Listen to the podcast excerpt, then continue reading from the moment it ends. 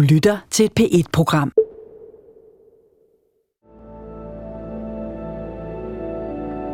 Jeg kigger på mig selv og spørger, og det er i orden. Der er loven og den menneskeanstændighed. Og så i min verden også videnskab. Altså, hvor er grænsen? Ikke? Hvor er grænsen? Søren Ventegodt gennemlevede i 2005 et livsomvæltende fald fra tinderne. I 1990, to år før Søren blev færdiguddannet som læge, der blev han leder af det, der blev kaldt Forskningscenter for Livskvalitet. I løbet af de næste år voksede projektet, og i 1994 rykkede Søren sit center ud af Rigshospitalet og ind til Indre By, hvor han i stand satte 500 kvadratmeter til over 20 millioner kroner. Søren var forsker, læge, alternativ behandler, og han var også en slags guru for unge folk, der blev elever hos ham. Han holdt foredrag for 14.000 kroner per gang og fløj rundt og signerede bøger. Jeg havde ideen om, at, at jeg var blevet så stærk, at jeg kunne skubbe til virkeligheden. At jeg kunne på en måde være med til at definere en forandring af virkeligheden. Men pludselig mister Søren alt. For i 2005 sker der noget. Sundhedsstyrelsen bliver gennem en artikel i Ekstrabladet opmærksom på Søren. Søren Ventegodt blev dømt for overtrædelse af autorisationsloven, hvilket vil sige, at han ikke har fulgt loven for, hvordan man som læge forventes at behandle. I to tilfælde blev han dømt til at betale erstatning til sine patienter. I begge tilfældene om erstatning blev han dømt for blandt andet at have arbejdet invasivt og seksualiserende i forbindelse med behandlingsmetoden vaginal akupressur. Jeg følte jo ikke, at jeg havde noget at skjule. Og jeg følte jo kun, at jeg ville vinde ved at komme frem og fortælle min historie. Vaginal akupressur er en behandlingsform, hvor behandleren penetrerer patientens skede og eventuelt anus med fingrene for at forsøge at forløse negative følelser og traumer. I et af tilfældene var der tale om en kvinde, som Søren desuden kyssede på Venusbjerget. Kvinden var jomfru og fik efter behandlingen med vaginal akupressur blødninger. I et andet tilfælde penetrerede Søren både patientens skede og anus som del af den vaginale akupressur. Og selvom stormen varede ved, kæmpede Søren Ventegodt videre for sin tro på den holistiske behandling og afviste alle anklager. Det er jo vildt. Jeg, jeg har ikke haft sex med hende. Jeg har ikke lavet sex med hende. Jeg hjælper hende med at fortolke drømmene og integrere de ting, der ikke er i hendes underbevidsthed. I mange år er jeg i mit stille sind vendt tilbage til den sag i 2005. Hvem er den her mand? Hvordan har han kunne bruge så voldsomme metoder og samtidig slet ikke været i tvivl om dem? Er Søren Ventegodt farlig, eller er han misforstået? Søren har også i alle de her år spekuleret på den sag. Og da jeg kontaktede Søren, så sagde han ja til at deltage på en betingelse. Du lytter til programmet Læge søger grænser. Afsnit 1. Kontrakten.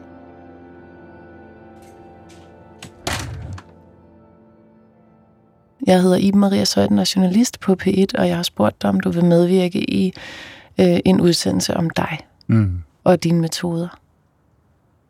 Hvad har du af forventninger til den her proces, og hvad har du af grænser? Jeg har ingen grænser. Det vil sige, du kan spørge mig om alting. Forventninger? Jeg har ingen forventninger. Øh, Jeg aner ikke, om du slagter mig igen, eller om du bygger mig op, eller hvad du gør. Det er også, det er også lige meget, fordi at, øh, at jeg er mig, og hvad der sker, er større end mig. Det er ikke op til mig. Jeg kan bare være her, og så kan jeg være med. Så det, svar, det spørgsmål, jeg svarer på, det er, vil jeg være med? Og ja, jeg vil gerne være med. Fordi jeg synes, jeg har noget at bidrage med, så jeg vil gerne være med. Har du lyst til, at vi gennemgår, altså at skitsere forløbet, som det var for dig dengang? Altså, hvis det interesserer lytterne, så skal jeg gerne fortælle om det. Min historie starter i virkeligheden med, at jeg blev optaget på universitetet i 79, hvor jeg starter med at læse filosofi og kemi. Og det øh, synes jeg er død sygt. Så jeg dropper ud af universitetet og tager til Indien for at studere livsfilosofi. Og jeg bliver meget inspireret af indiske øh, tanker, og altså, der, sker, der sker meget tidligt øh, skal vi sige, nogle meget store erkendelsesmæssige ting i mit liv, som udspringer af, at jeg har det meget svært. Altså, jeg tænker på at se mit eget liv, for jeg kan ikke se meningen i det studie, jeg har. Og så, og så finder jeg så ud af, at jeg skal læse medicin. Fordi, ikke fordi jeg vil være læge, men fordi jeg gerne vil forske. Og jeg har et talent for kemi. Så jeg har den idé, at jeg skal forstå livet, livets kemi. Og det bliver så til et projekt om, om livskvalitet, om livets mening, om de store spørgsmål. Og mærkeligt nok, så får jeg lige pludselig en stor, stor pose penge. Og så laver vi Forskningscenter for Livskvalitet på Rigshospitalet. Og der er stadig medicinstuderende. Så jeg bliver forskningschef i 1990, før jeg blev færdig som læge. Og så tager raketten af, simpelthen. Ja. Det her forskningscenter bliver indvidet, og, og jeg kommer tusind gange i medierne og sætter dagsordenen for sundhedsdebatten i Danmark. Vi flytter ud af resultatet 94, og vi laver Sundhedshuset, som er stort holistisk sygehus, en klinik med forskningscenter. De bruger 20 millioner kroner på at indrette det. Så det er super elegant, super moderne, super flot. Og jeg begynder at lave årlige konferencer om holistisk medicin, og tager folk ind fra hele verden. Altså, kæden hopper af for mig, kan man sige. En form for ståelsesvand ved at kigge tilbage på det, fordi at det går for godt. Jeg får min egen avis, min egen gratis avis, jeg uddeler. DR kommer og laver øh, udsendelsesrække, undervisningsprogrammer om, om holistisk medicin. Altså tingene kører. Og så sker der det. Må jeg spørge, hvordan du mærker det, når du kigger tilbage, og du siger, at du havde ud. Hvordan mærkede du det? Eller hvordan, hvad er det, du bedømmer det på? Jamen, når jeg kigger på det, ikke, så Altså, hvad skulle jeg med al den magt? Hvad skulle jeg med al den berømmelse? Hvad skulle jeg med det? Hvorfor var jeg? Og sandheden var, at jeg var glad for det. Jeg synes, det var sjovt. Drønede rundt i min Armani-habit og gav foredrag. Jeg tror, jeg holdt 1.000 foredrag i løbet af nogle få år. Hentede 14.000 kroner hjem hver gang. Det var altså vanvittigt, altså på en måde, ikke? Altså, det var den sådan over, overvirkelige verden. Hver eneste uge, så tog jeg en eller anden flyver et eller andet sted hen. Altså, det, det er svært at forstå, hvis man ikke har prøvet det. Hvad betyder overvirkelig?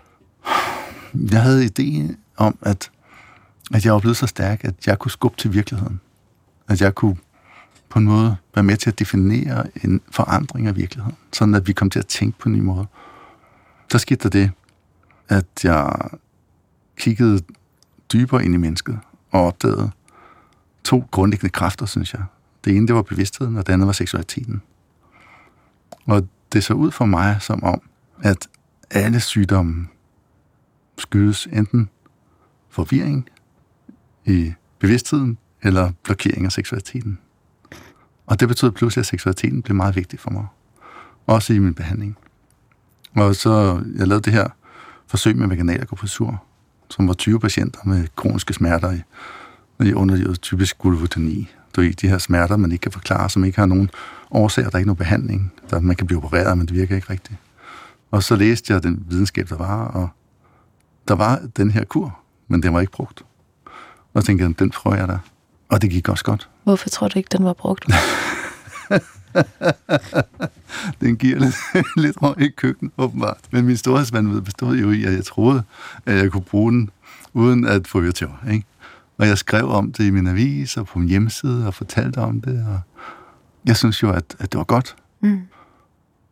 Jeg havde jo ikke i min vildeste fantasi forestillet mig, at at jeg kunne blive hængt ud for det. Det havde jeg faktisk ikke. Men da jeg så så avisen, så blev jeg bekymret. Fordi den historie, den var ikke sjov. Der stod der sexmisbrugere patienter. Seksuel overgreb. Altså straffeloven. Altså det, jeg kunne simpelthen ikke se, at, at det, jeg gjorde, det faldt under straffeloven, at det fortjente den rubrik. Altså, man kunne være uenig i metoderne, men at det skulle være seksuelt krænkende, det...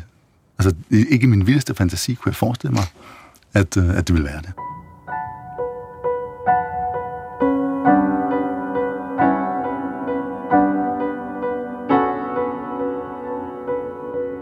Hvor var du henne, da du ser avisens for, øh, overskrifter? Hvor sidder du henne? Jeg tror, at jeg er... Jeg er nede som lokal købmand. Jeg bor på Frederiksberg. Jeg tager ned og køber avisen, og, og, og jeg tror ikke mine egne øjne. Altså, hvad sker der her? Så hvad er det for en historie? Altså, som, som det står, så, så står der, at jeg gør den her meningsløse behandling for, for min egen fornøjelses skyld, og ikke for at hjælpe. Jeg har, jeg har aldrig oplevet noget lignende. Jeg kan stadig ikke tro, at nogen kan tage ekstrabladet alvorligt. Altså, hvem kan tro på den historie? Og så blæser stormen, og så øhm, stiller du op i forskellige interviews jeg kan huske, at jeg var ansat på det program, der hed Klimen Direkte. Der var ligesom sådan nogle skillevæg på vej ind til studiet, inden du skulle i studiet. Du har et mørkt øh, jakkesæt på. du sveder helt vildt meget, og det gør man jo naturligt, fordi der er lamper på, når det er tv. Jeg tror også, du var nervøs. Og jeg kan huske, at jeg spekulerede på, hvorfor du stillede op. Jeg stillede op, fordi at jeg følte jo ikke, at jeg havde noget at skjule. Og jeg følte jo kun, at jeg ville vinde ved at komme frem og fortælle min historie. Du siger, du blev sur og mistede besindelsen dengang. Ja, jeg blev ej. jeg blev hissig, ikke? Jeg blev vred. Fordi jeg synes, det var så, så uretfærdigt og så urimeligt. Men, men som jeg sagde, også sagde, ikke? så kan man godt sige, at jeg led en smule af storhedsvandet. Ikke? Så jeg havde den idé, at jeg kunne lave verden om. Jeg havde den idé, at jeg kunne indføre nye metoder. Jeg havde den idé, at jeg kunne revolutionere sundhedsvæsenet. Øh, og, og sætte dagsordenen for de her nye behandlinger. Og det, det gik ikke min vej. Men hvis vi nu tager et skridt tilbage ikke? og siger, er det ikke fornuftigt nok, hvis der kommer nogen og laver sådan en kontroversiel seksologisk behandling? Er det så ikke fornuftigt nok, at der bliver kigget på det, at der bliver sat spørgsmålstegn ved det? Jo, det er det der. Det, det er fair nok, at det bliver undersøgt. Så jeg havde ingenting imod undersøgelsen af det. Det, jeg havde noget imod, det var den der øh, hadefulde øh, vinkel på det, ikke? Vi sidder i DR-byen. Søren Ventegodt har skjorte på og en let jakke henover. Han er høj, han er mørk i huden, og han har mørkt hår, men han har lysende gråblå øjne. Han sidder over for mig, han har stillet en stabel af bøger, han har skrevet op foran sig nærmest som sådan et forsvar. Men i løbet af vores snak, så bliver bøgerne vendt og drejet og spredt lidt rundt på bordet, og det er som om, han skal teste mig lidt, inden han åbner op. Det, som jeg husker stærkest fra den tid, det var, at jeg troede, jeg havde en masse venner. Jeg troede, jeg havde måske 300 fantastiske venner. Fordi alle folk, de var positive og venlige og hjælpsomme. Og glade for mig. Efter jeg blev hentet ud, så havde jeg tre venner. Det var altså tab illusion, så det, så det bragede. Hvem er mine virkelige venner? Hvem er med mig i modgang? Det var, det var, det var et stort, stort chok. Folk, som jeg samarbejdet med i, i, i, i mange år, de vendte om på hælen. Det var chokerende. Det hele vælter. Også den fond, der støtter Søren økonomisk og har udlejet de ekstravagante lokaler i København, trækker sig. Og det bliver helt vildt forbavs over. Hvordan kan det være, at de mennesker, som kendte mig så godt, hvor vi havde arbejdet så lang tid sammen, at de pludselig bakkede ud. Og jeg havde lige fået en ny treårsbevilling, kan jeg huske, til centret. Så, så det var mange, mange millioner, de pludselig ikke udbetalt. Og senere fik jeg så at vide, at de havde haft besøg af en journalist. Det var min kontaktperson, der sagde det. De havde haft af en journalist, som øh, havde sagt, at enten så gav de slip på mig, eller også så ville de blive undersøgt af ekstrabladet. Og undersøgt betyder jo så, at de ville blive belastet af et eller andet ekstrablad skrev om dem. Så pludselig gik det op for mig, at jeg havde troet, at, at vi var venner, og vi ligesom holdt sammen. Ikke? Men i samme øjeblik, jeg var udstødt, så øh, valgte de side, de valgte den almindelige virkelighed, eller hvad man skal sige. De var en del af systemet også. Og det havde jeg ikke troet, de var. Det var meget, meget forbavsende for mig. Der, der, der vågnede jeg simpelthen op til, til, til, til en helt anden virkelighed, end jeg havde forestillet mig. I det øjeblik, min forskningsstøtte forsvinder, så lukker, så lukker forskningscenteret, eller klinikken for sundhedshuset, det lukker fysisk, ikke? Og det har været ramme om, om mine aktiviteter i, i, i mange, mange år. Så det at miste den fysiske ramme, der hvor, der hvor, hvor, hvor jeg er nødt til at forlade sundhedshuset, altså det er et, et chok, fordi at det, det havde jeg simpelthen ikke set komme. Altså det, jeg, jeg har simpelthen ikke øh, forestillet mig, at det var muligt, at, at, øh, at skal vi sige, pengene bare forsvandt, og at projektet bare lukkede på den måde. Hvordan, for, altså, mener du også den fysiske handling at forlade huset? Er der ja, sådan det er en, ligesom, fysisk, ja, ja, fordi at, at jeg bliver sagt op, ja. Mm. så Hvad gør Så- man så? Man går ind og henter sine ting, eller? jeg købte en gård i Sverige. Jeg købte en stor gård i Sverige. Og så flyttede jeg med center derovre. Men, men det har den her, den her mærkelige kvalitet af at være, være uvirkeligt, som jeg ikke helt forstår det. jeg forstår ikke helt. Øh, jeg forstår ikke helt øh, stadig, hvad der, hvad der har ramt mig. Altså, hvad var det, jeg gjorde, der var så galt, at jeg har fortjent det? Det var sådan det spørgsmål, jeg havde. Ikke? Hvad var det? Altså, hvad, hvor var det, jeg troede så forkert? Hvor var det, jeg ikke forstod virkeligheden overhovedet? Men når jeg kigger tilbage, kan jeg selvfølgelig godt se, hvor fræk jeg var. Med at have min egen avis, ikke? min egen gratis avis om alternativ medicin. Og, altså, alle de ting, jeg lavede. Ikke? Midt i byen. Øh, og alle de ting, jeg sagde i medierne, jeg var så fræk. Ikke? Altså, det kan jeg godt se, jeg var. Jeg kan godt se, at jeg har provokeret. Jeg taber 90 procent af mine patienter. Og, og det er også sådan helt, helt ufatteligt for mig. Sådan, at mine patienter, som kender mig, at de pludselig synes, det, det er for belastende at komme hos mig. Jeg taber halvdelen af mine elever. Altså folk, som jeg kender virkelig godt, som, som, som jeg er meget tæt på, og som og så har jeg, jeg arbejder med i det daglige. De flygter pludselig. Ikke? Så, så, så det, det er en meget, meget altså, hård krise, selvfølgelig. Hvad var egentlig det værste for dig? Fordi en ting er pengene, en ting er eleverne, en ting er patienterne, øh, en ting er vennerne. Hvad, hvad var sådan det, der gik, der var mest omsaggribende i forhold til det, du hang din identitet op på? Mm. Jamen, det var nok, øh, det var nok øh, den samfundsmæssige position. Ikke? Fordi at den identitet, som jeg havde som vigtig i samfundet, ikke? Den, den blev flødet stykker. Og den, som jeg sagde til dig, den, den idé, at jeg var vigtig i samfundet, og gjorde noget vigtigt, og havde betydning, og havde betydning for mennesker, den var i min umodenhed øh, vigtig for mig.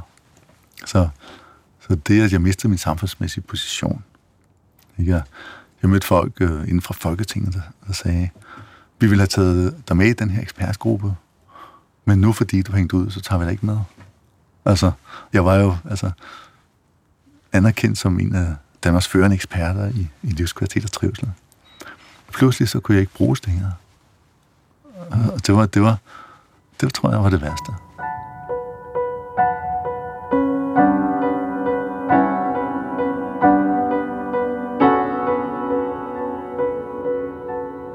Hvorfor tror du egentlig overhovedet, det har været så vigtigt for dig at have relevans på et samfundsligt plan? Jamen, nu siger jeg umodenhed, ikke? Når jeg kigger på det, så... Altså, vi er alle sammen, vi er alle sammen sårede børn, som jeg ser det. Som sårede børn, så vil vi gerne, vil vi gerne komme igen. Vi vil gerne være store og stærke. Sådan, sådan forstår jeg det helt banalt. Og min eget sårede barn, hvis jeg skal sige det sådan, var vældig glad for, for, for at have en betydningsfuld rolle. Og det var også noget af det, som jeg var nødt til at kigge på. Det var min egen identitet, min egen selvforståelse. Der kom en meget dyb refleksion øh, i mig selv ud af det selvfølgelig. Fordi den identitet, altså var den, var den ormstukken, var den, var den dårlig, var den råden, var den forkert, var den, altså, var den kritisabel, ikke sandt? Det er klart, at, at, at med den enorme klub, der, der kom, med det fokus, der kom på mig, så kiggede jeg også på mig selv og sagde, er det rigtigt, den her kritik? Er det, er det sandt? Er jeg, er jeg så dårlig et menneske? Ikke? Øh, så, så, så, så, så jeg kiggede, jeg kiggede dybt, dybt ind i mig selv, for at, øh, for at forstå, hvad i mig selv havde givet anledning til, til de problemer, jeg havde. Fordi det var min dybeste filosofi, det var, at vi selv materialiserer vores virkelighed. Og derfor, når jeg var udsat for det her, så var det mig selv, der havde skabt det. Men jeg kunne bare ikke lige se, hvordan. Når jeg kigger tilbage på det, så kan jeg ærligt sige, at jeg er taknemmelig over det, der skete. Fordi jeg tror aldrig nogensinde, at jeg havde kigget dybere ind i mig selv, hvis jeg ikke var blevet stoppet i det, jeg lavede.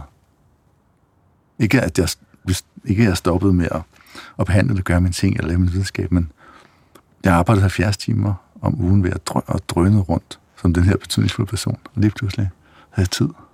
Jeg har også fået en ny familie. Jeg har fået en ny kone. Jeg har fået et lille barn, en datter på snart fire år. Jeg har, jeg har pludselig tid. Ikke? Det har jeg aldrig haft. Så der er kommet nogle fantastisk fine ting ud af det. Det, som ikke står dig ihjel, det gør dig stærkere. Ikke? Altså, det, det, det er en gammel sandhed, synes jeg. Og den er rigtig. Ja, det synes jeg faktisk. Ja. Ikke? Det synes jeg. Jeg synes, at jeg er stærkere sted nu. Jeg er ikke afhængig af, af folks støtte. Jeg er ikke afhængig af, hvad folk synes om mig. Jeg er ikke afhængig af... Altså, jeg, jeg, jeg, jeg føler en frihed og, og, og en balance, som, som jeg definitivt, definitivt ikke havde dengang. Men jeg tænkte på, at jeg skulle sige til dig, at at, der, at jeg har, hvis jeg nu skal beskrive det liv, som jeg havde dengang, ikke? Så, så prøvede jeg at få så meget sjov som muligt inden for, inden for rammerne af, øh, af, af loven, af videnskaben, og øh, hvad jeg opfatter som menneskelig anstændighed. Men øh, når, jeg kigger, når jeg kigger på det, ikke så, så var jeg ikke skarp. Jeg var ikke øh, moden. Jeg var ikke... Øh, altså, jeg var ikke så god, som jeg kunne være. Så jeg synes, jeg, jeg også er blevet meget bedre til at, at hjælpe mennesker. Altså, så, så jeg ved ikke, om jeg skal, jeg skal sige, at, at jeg er en god mand. Det, det, det må andre vurdere. Der er to vigtige spørgsmål for mig. Det ene, det er,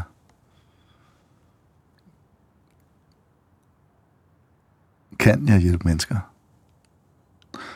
Har jeg, har jeg set noget vigtigt om at hjælpe mennesker? Har jeg forstået noget vigtigt om at hjælpe mennesker, som, som verden har brug for? Eller som kan, som kan bruges? Det er det ene spørgsmål. Og det andet, det er, er jeg slem?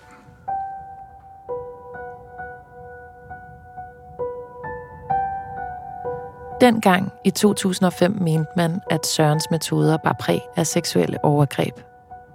Hvis man er alternativ behandler, så bærer man ikke en beskyttet titel, og det vil sige, at man kan behandle ret frit. Det, der mudrer sagen her, er, at Søren dengang definerede sig som læge, og han var uddannet som sådan, hvilket skærper kravene til behandlerens dokumentation af effekter og empiri. Jeg har læst den flere hundrede sider lange dombog, der hører til Sørens retssag, og Retslægerådet og adspurgte psykiatere er enige om, at Søren optræder seksualiserende og med metoder, man ikke kan forsvare lægefagligt. Men det virker som om, at Søren stadig stiller spørgsmålstegn ved dommen fra den gang.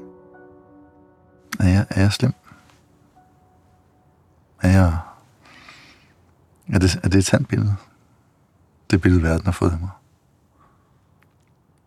Som min kolleger har tegnet af mig, som Ekstrabladet har tegnet af mig, som Sundhedsstyrelsen psykiater har tegnet af mig. Er det sandt? Hvis du kunne finde svar på de to spørgsmål for dig selv, og dele din opfattelse med verden, så, så vil jeg være meget taknemmelig. Hvordan skal jeg kunne tage stilling til, om du er slem, uden at være patient? så har jeg lyst til at sige, hvad er min patient? Så tager det oh. en drejning nu, ikke? Jamen, jeg kan, Journalistisk. oh, men et menneske som dig vil jeg slet ikke patientificere. Vel? Øh, Et menneske som dig vil jeg inspirere.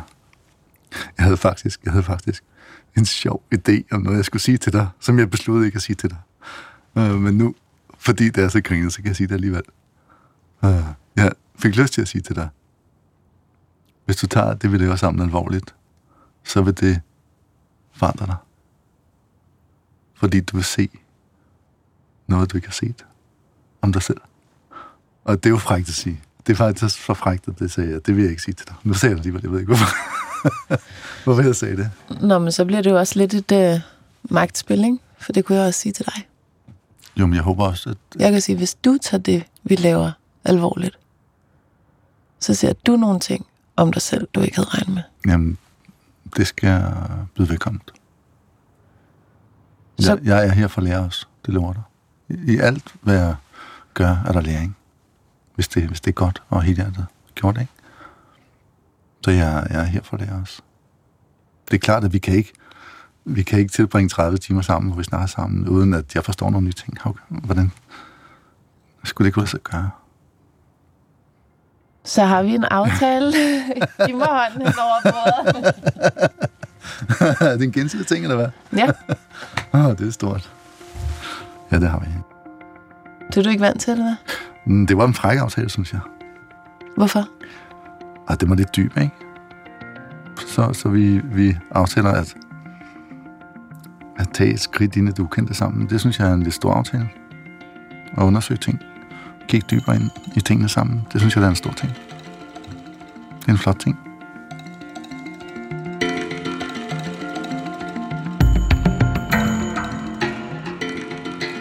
Søren virker både meget åben og direkte, og samtidig så er han helt tydeligt på vagt. Men han har indvillet i at deltage. Søren har en gård i den svenske skov, og han har efter vores samtale åbnet en slags garderobeskab ind til det, jeg kommer til at opleve som et svensk Narnia. Og hvis det går efter Sørens plan, så kommer vi begge ud igen, klogere end da vi gik ind. I de næste afsnit rejser vi ind i skoven og ud i det ukendte for at få svar på spørgsmålet. Er Søren slem? Du har lyttet til Læge søger grænser. Idé til rettelæggelse, redigering og optagelse er af mig, Iben Maria Søjden. Klip, redigering og mix, Jakob Helt. Redaktør, Ida Holten Ebbesen.